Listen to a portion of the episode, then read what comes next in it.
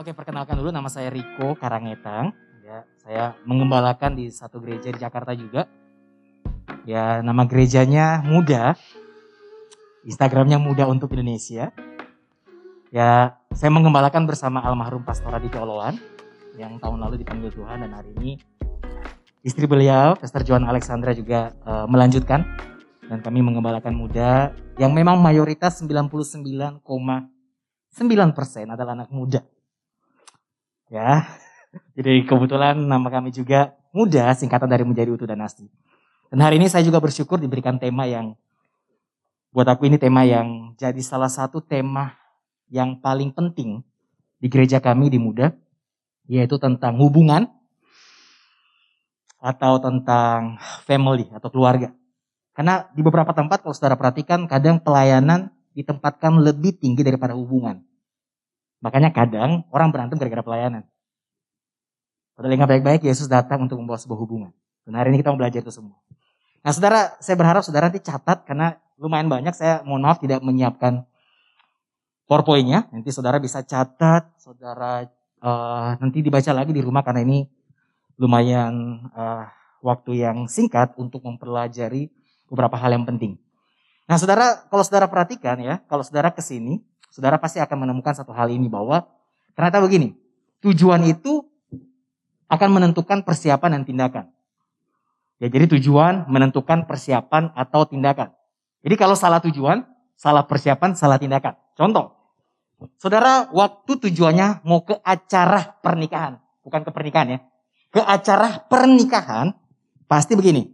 Persiapannya dan juga tindakannya pasti berbeda dengan ketika saudara mau ke gym atau mau main futsal atau ke salon. Pasti berbeda. Jadi kalau tujuannya berbeda, pasti persiapannya juga berbeda. Contoh juga, kalau saudara mau ke sini, teman-teman mau ke sini, tujuannya ke tempat ini, pasti persiapan dan tindakannya juga terpengaruh berdasarkan tujuannya mau ke mana. Ya contoh, ya saudara tujuannya ke tempat ini. Saudara mau pakai baju apa? Persiapan ya. Saudara nanti mau naik apa? Ya saudara nanti ke sini sama siapa? Nah gitu. Ya itu itu mempengaruhi itu. Ya jadi Ke mana saudara pergi, ke mana tujuan yang saudara tuju akan mempengaruhi persiapan dan tindakan saudara. Nah, demikian juga dengan kehidupan kita sebagai anak Tuhan. Kalau dalam kehidupan kita, kita udah salah tujuan, pasti udah salah persiapan. Nah, kebanyakan orang berusaha memperbaiki tindakan atau persiapannya, bukan memperbaiki tujuannya. Padahal kalau saudara perbaiki tujuannya, persiapan dan tindakan saudara pasti akan berbeda, akan berubah. Nah, kira-kira apa buat kita sebagai orang percaya tujuan kita? Sekedar tenar, sekedar besar, atau hidup benar? Hidup benar ya. Karena goal kita sebagai orang percaya adalah untuk menjadi seperti Kristus. Nah kita kelirin di sini dulu. Jadi tujuan kita sebagai orang percaya adalah untuk menjadi seperti Kristus. Nah kalau saudara bangun pagi menyadari tujuannya ini, pasti hari-hari yang saudara jalani pasti berbeda. Kenapa saudara mengerti bahwa tujuan mempengaruhi persiapan dan tindakan? Kalau setiap hari kita menyadari bahwa oke, okay, saya punya tujuan bahwa saya ingin menjadi seperti Kristus. Pasti persiapan saudara, tindakan saudara pasti akan berbeda. Dan untuk sampai kepada tujuan, saudara butuh rencana. Betul ya? Nah itu kenapa Tuhan menginginkan kita hidup dalam rencananya kan? Karena hanya rencana yang akan bawa kita ke suatu tujuan. Ya rencana akan membawa saudara ke suatu tujuan. Saya boleh pinjam kursi kali ya. Satu. Supaya enak. Kita agak-agak kelas-kelas dikit lah hari ini ya.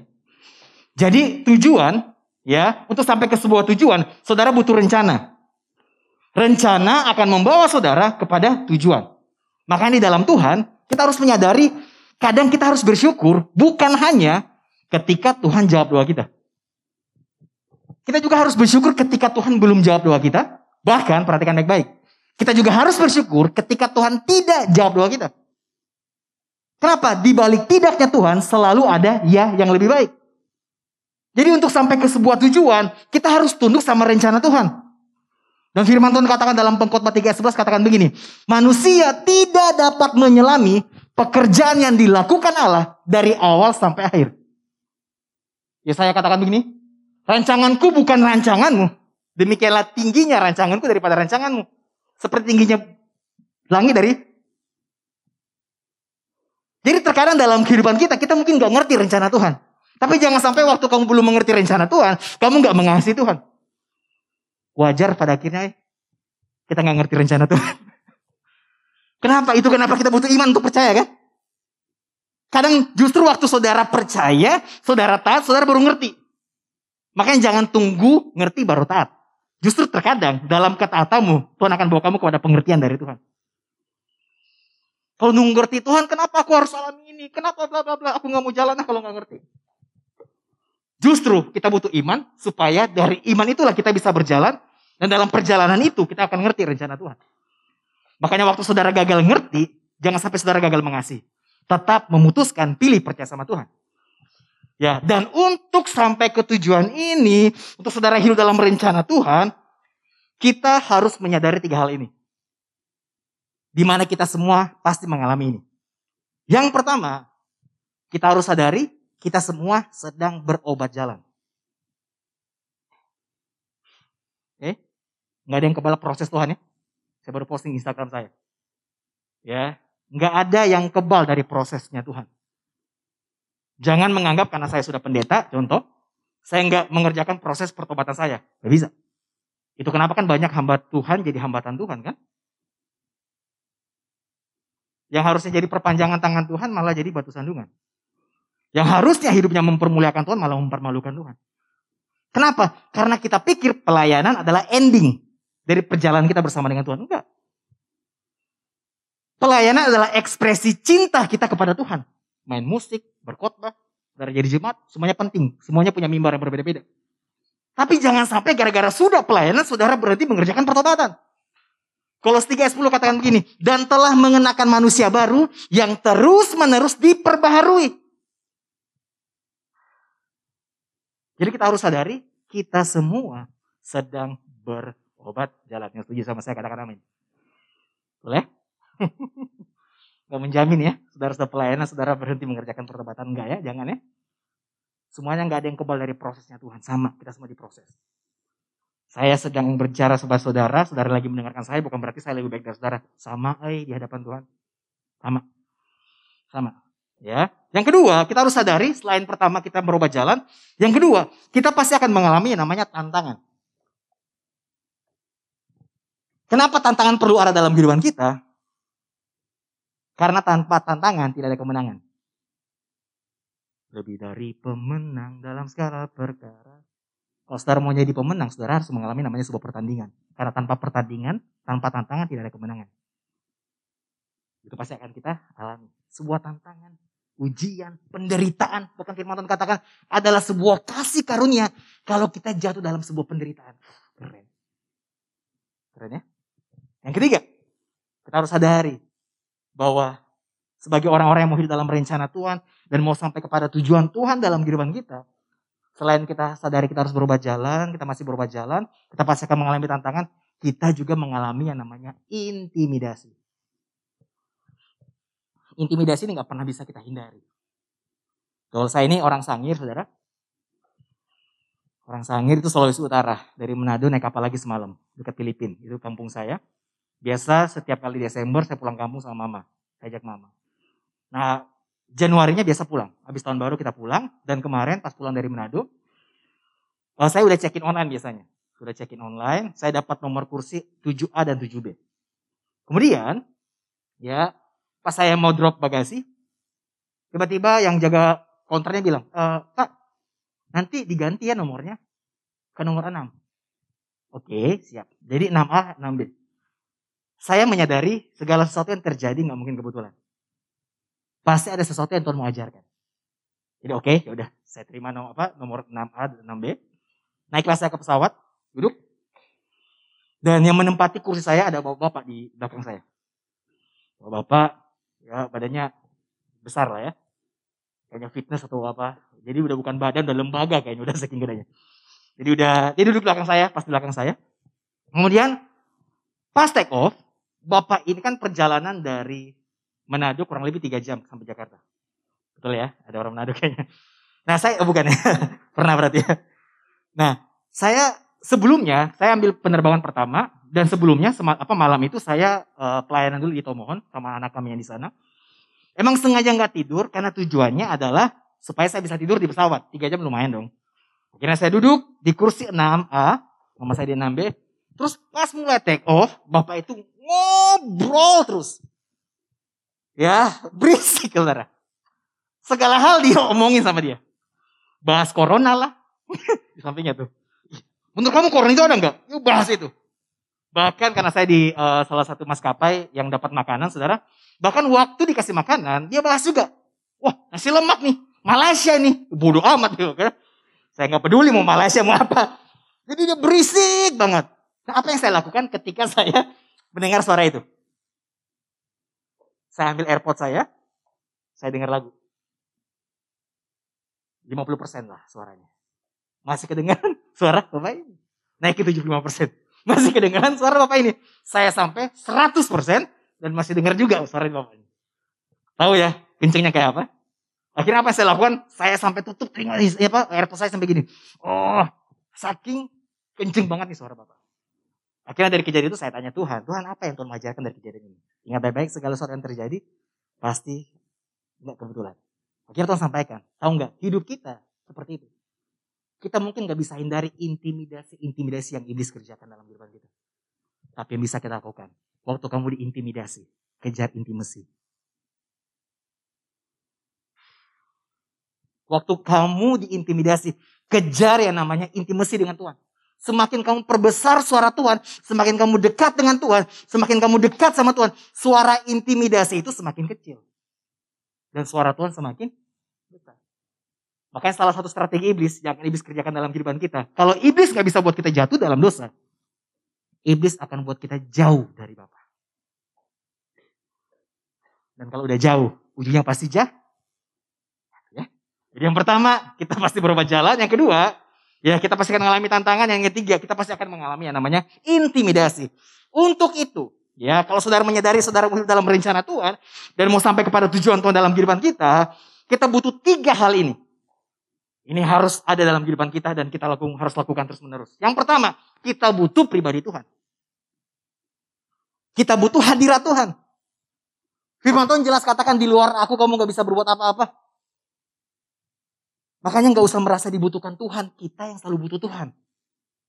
Pernah gak sih menemukan satu dua orang yang merasa kayak, kayaknya tanpa dia pelayanan gak jalan? Ada ya satu dua orang kayak gitu. Kayaknya tanpa gua gereja gak jalan. Kata siapa tanpa Tuhan gereja gak jalan? Jadi nggak usah merasa dibutuhkan Tuhan, kita yang selalu butuh Tuhan. Jadi yang pertama kita selalu punya mindset bahwa saya butuh Tuhan. Untuk hidup dalam rencana Tuhan, apa salah satunya? Mengasihi. Mengasihi butuh Tuhan? kita butuh Tuhan untuk melakukan perintah Tuhan. Gak mudah mengasihi ya. Mengampuni orang yang menyakiti kita. Ya, tapi itu kenapa kita mau terus butuh Tuhan. Karena waktu saudara hidup dengan Tuhan, akan mudah buat saudara untuk bisa melakukan perintah Tuhan. Dan kalau saudara sudah melakukan perintah Tuhan, saudara akan hidup dalam rencana Tuhan. Dan rencana Tuhan ini akan bawa saudara kepada tujuan Tuhan. Untuk menjadi serupa seperti itu. Yang pertama, saudara butuh hadirat Tuhan. Saudara butuh pribadi Tuhan. Yang kedua, saudara butuh firman Tuhan. Ini penting banget saudara. Saudara butuh Tuhan, butuh firman Tuhan. Saudara pernah, pernah gak sih dekat sama seseorang Terus orang itu ngomong gini, pegang omongan aku. Hih, ya. Gemes ya. Hih, pegang omongan gua. Kalau gua udah ngomong, pasti gua akan tepati. Tahu nggak? Tuhan juga mau ngomong ke gitu ke kita.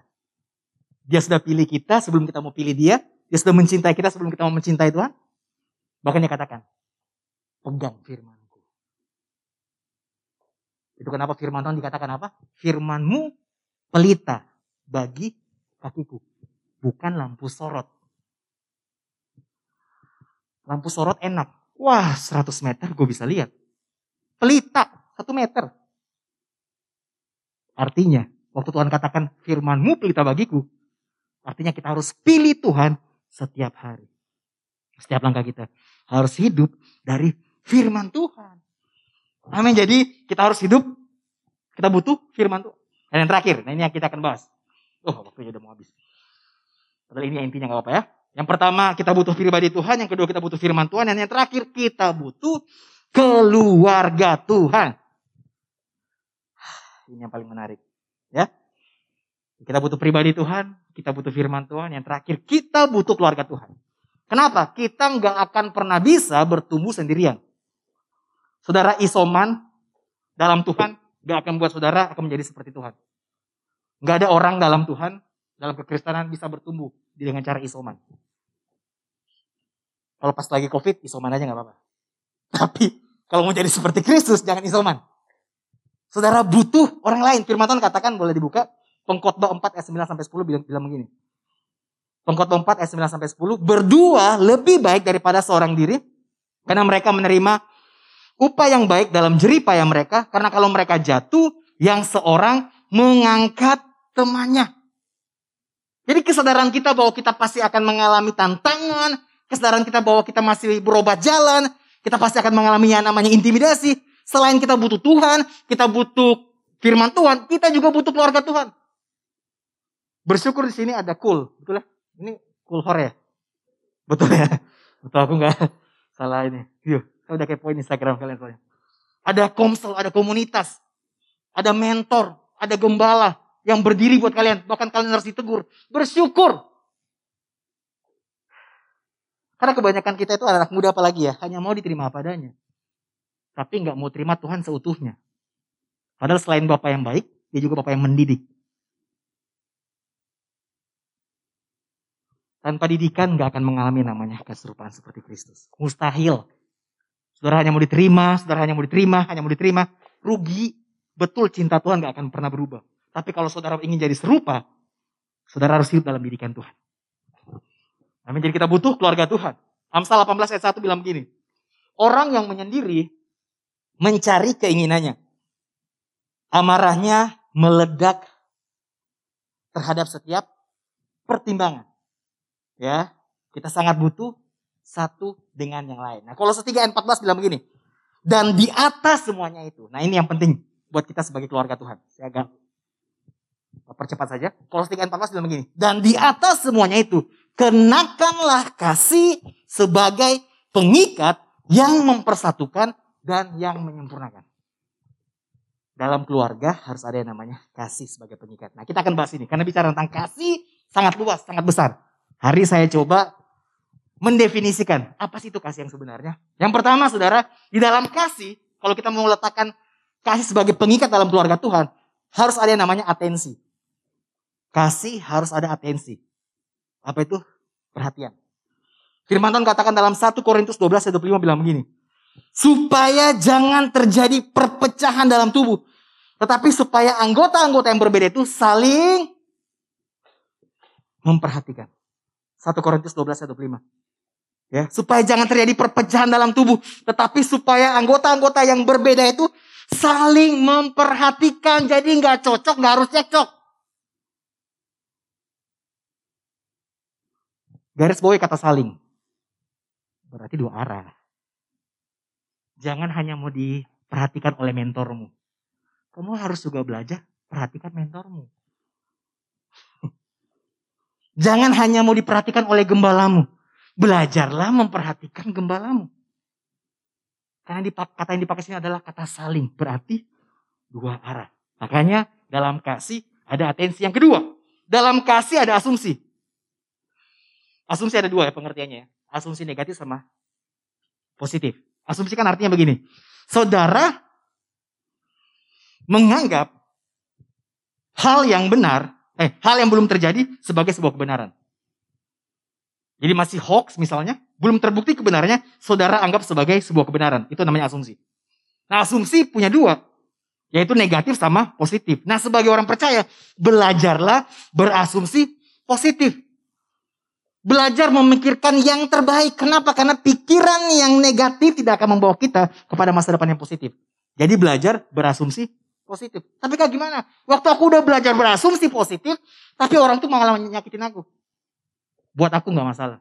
Kenapa? Karena gini, lebih baik saudara belajar percaya, tapi disakiti, daripada saudara nggak mau belajar percaya, dan saudara nggak mau disakiti. Bukankah dasar dari sebuah hubungan adalah percaya? Jadi waktu saudara sudah percaya tapi disakiti nggak apa-apa. Setidaknya saudara sudah belajar percaya. Meskipun resikonya disakiti. Ya, karena kita nggak akan pernah bisa siap mengasihi kalau kita nggak mau siap disakiti. Ya, harus siap. ya, seru ya. Yang pertama atensi, yang kedua asumsi yang positif, yang ketiga komunikasi. Dalam kasih ada yang namanya komunikasi. Nah, tahu nggak saudara bahwa banyak hubungan yang rusak karena komunikasi? Tapi banyak hubungan yang pulih dengan komunikasi. Komunikasinya dengan apa? Dengan kasih. Kalau bisa dengan ramah, kenapa harus dengan marah? Gitu. ya, komunikasi dengan kasih. Eh, kak, Aku itu terganggu tahu kak, kemarin kakak ledekin aku di atas mimbar. Bilang aja nggak apa-apa. Kalau kita semua sadar bahwa kita semua lagi berobat jalan kan nggak ada yang merasa lebih baik dari yang lain kan? Sorry ya kalau aku salah, aku minta maaf. Kita sama-sama lagi berobat jalan, udah saling rangkul, jangan saling pukul. Saling sayang, jangan saling saing. Jadi penting kita harus belajar untuk berkomunikasi. Karena kasih pasti berkomunikasi. Komunikasi dengan kasih yang keempat, yang pertama kasih memberi atensi, yang kedua asumsi, yang ketiga komunikasi, dan yang keempat edukasi. Kasih pasti mengedukasi. Ya. Kenapa? Karena penerimaan tanpa tujuan untuk menjadi serupa dengan Tuhan adalah yang yang namanya pembiaran. Jadi kasih pasti mengedukasi. Jatuh terus dalam dosa, udah biarin aja. Itu bukan kasih. Kita kan sering menggunakan kata cinta kan hari-hari ini. Apakah beneran itu cinta? Cinta atau nafsu? Cinta nggak membuat kita terluka. Cinta akan membuat kita serupa. Eh, quotes baru tuh. Secatat kata tuh, catat bagus tuh, bagus tuh. Cinta akan membuat saudara serupa. Nggak membuat saudara terluka. Coba deh misalnya saudara ada adik saudara yang udah mau di pinggir jalan. Atau enggak, eh, di pinggir jurang. Udah mau jatuh. Kira-kira apa saudara lakukan? Ade, hati-hati. Ada, ada. Saudara pasti akan teriak. Kenapa berbahaya buat dia? Makanya teguran penting dalam keluarga Tuhan. Jangan marah kalau ada mentormu, gembalamu yang marahin kamu. Duh, karena kamu lagi melenceng. Duh, kamu harus bersyukur. Kenapa firman Tuhan juga katakan Tuhan itu Tuhan yang baik tapi Tuhan yang mendidik juga. Jadi kasih pasti mengedukasi. Yang kelima, kasih mengapresiasi. Ya kasih memberi atensi, tidak berasumsi negatif. Yang ketiga, yang ketiga apa? Kasih berkomunikasi, yang keempat kasih mengedukasi, yang kelima kasih mengapresiasi, berikan apresiasi. Saya belum pernah menemukan orang di pinggir jalan overdosis. Terus saya tanya, oh, Ode nih, Ode overdosis. Eh bro, bro, nah bro, habis dipuji, habis dipuji kak. belum, pernah aku lihat ada orang overdosis gara-gara dipuji. Nah kita tuh kadang susah banget muji orang ya. Apalagi kalau habis ibadah biasanya evaluasi dulu baru apresiasi. Harusnya apresiasi dulu baru evaluasi. Good job guys. Wuh, keren banget. Bro, tadi lu keren banget tau gak sih jadi asher. Belajar mengapresiasi. Tapi kalau perubahannya masih kecil, nggak apa-apa. Contoh, saudara ada dalam komunitas saudara, ada orang dia dulu dia lagi sakit, tanda kutip ya, kita kan semua lagi berwajah Sakitnya itu dia narkoba misalnya. Kita kan mungkin kepahitan, kan beda-beda ya sakit-sakitnya. Dia lagi narkoba. Terus dia datang ke kita, bro, kak, aku udah berhenti pakai narkoba kak. Wah, berapa lama bro? Dua hari kak. Aduh, itu bukan berhenti, itu namanya jeda. Jangan kayak gitu saudara. Kalau gini, buat kita dua hari itu mungkin mudah. Tapi buat dia dua hari itu sebuah progres yang besar. Makanya kadang begini, Tuhan percayakan dalam kehidupan kita bukan perubahan besar, tapi perubahan kecil. Karena Tuhan mau latih kita untuk bisa merayakan perubahan kecil sebelum perubahan besar itu terjadi dalam kehidupan kita. Jadi latih apresiasi papa mama kamu, apresiasi mereka. Mangga kecil, mangga besar, sama-sama mangga kan? Saudara bilang kasih mangga kecil durian dan berantem lagi gara-gara itu. Ini durian. Eh bukan, salak. Lenceng bro, padahal mangga. Mangga kecil ya tetaplah mangga. Mangga besar ya mangga juga. Artinya perubahan kecil tetaplah perubahan. Makanya tadi saya bilang, kadang Tuhan percayakan kita bukan perubahan besar tapi perubahan kecil supaya kita terlatih bersyukur.